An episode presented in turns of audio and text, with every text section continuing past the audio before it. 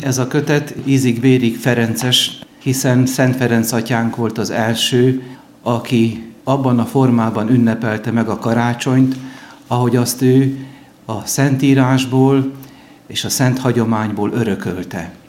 Vagyis, ahogy ő mondja, testi szemeimmel akarom szemlélni a kisdednek az igénytelenségét, hogy az ökö és a szamár jászolába helyezték őt, és ezt az ünneplést Grecsóban tartotta meg, az ünneplés Szent Misével történt, ahol Szent Ferenc az evangéliumot énekelte. És amikor a kisded nevét említette, akkor bárányka módjára bégetett, és megnyalta nyelvével az ajkát, mintha mézédes szavakat mondott volna. A két fő szerzője a kötetnek Benedek pápa és Ferenc pápa, csodálatos elmélkedés sorozatot olvashatunk, éppen a Szent Ferenc által megálmodott és meg is valósított Betlehemről. Hogy került oda a betlemi jászolhoz az ökör és a szamár? Erről az evangélium nem ír. Pásztorokról szó van, nyilván bárányokról is szó van, de ökörről, szamáról nincs. Hát igen, mert advent első hétfőjén a Szentírási Olvasmány, Izaiás próféta első fejezete, és mit olvasunk ott? Az ökör és a szamár megismeri gazdáját, de Izrael nem akarja fölismerni az ő urát.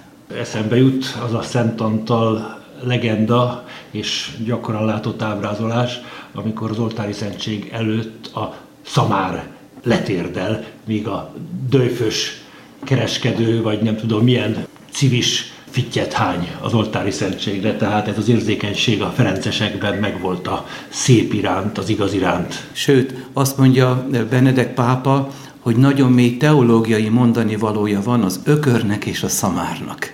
Mert tudjuk jól, hogy a pásztorokat az angyal szózat vitte oda a jászolhoz, és a három bölcset, a három bölcs a maga tudományával eljutott egészen Jeruzsálemig. De Jeruzsálemben megtorpantak, hogy hol van a zsidók újszülött királya. És a zsidó írástudók igazítják útba, hogy Betlehemben kell születnie. A három király megtalálja az újszülött kisdedet, de a szakteológusok, így fogalmaz Benedek pápa, akiknek az a szakmája, hogy értelmezzék az írásokat. Ők az útbaigazítást megadják, de ők maguk nem mennek el hódolni a kisdethez. És a pásztorok is oda találnak. Tehát nem csak arról van szó, hogy a szegények rátalálnak, a bölcsek is rátalálnak, akik útbaigazítást kapnak a Szentírás alapján. De a Szentírás tudós, akinek elsődleges feladata lenne, és akkor most egy kicsit általánosít a Szent Atya, hogy igen, az a fajta Szentírás tudós, aki tud mindent, de letérdelni nem tud. És hogyha már Ferences teológiáról van szó, hiszen ez nagyon gazdagon ott van benne Szent Bonaventúránál is, aki azt mondja, hogy a teológia térdelő tudomány.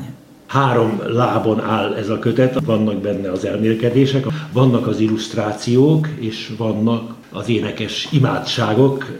Igen, hát a két szentatyának az elmélkedéseihez gyönyörűen illeszkednek azok a Betlehemek, azok a Ferences, magyarországi Ferences templomokban föltalálható Betlehemek, illetve hát kezdődik természetesen a betlehemi bazilikával, ahol a, az Úr Jézus születési helyét őrizzük, mint egy illusztrációképpen, hogy amit írásban elolvasunk, azt a szemünkkel is lássuk, ugye a Szent Ferenc mondja, hogy saját szememmel akarom szemlélni az ő kiszolgáltatottságát, és hát ha már a szemünk is gyönyörködik, ha már az, az elménk is eltelik sok-sok széppel, bölcsességgel, akkor zendítsünk rá a karácsonyi énekekre, a kántálásokra. 46 karácsonyi ének található a kötetben, amelyeket mi ferencesek évtizedek óta mindig énekelünk szenteste és karácsony egész időszakában.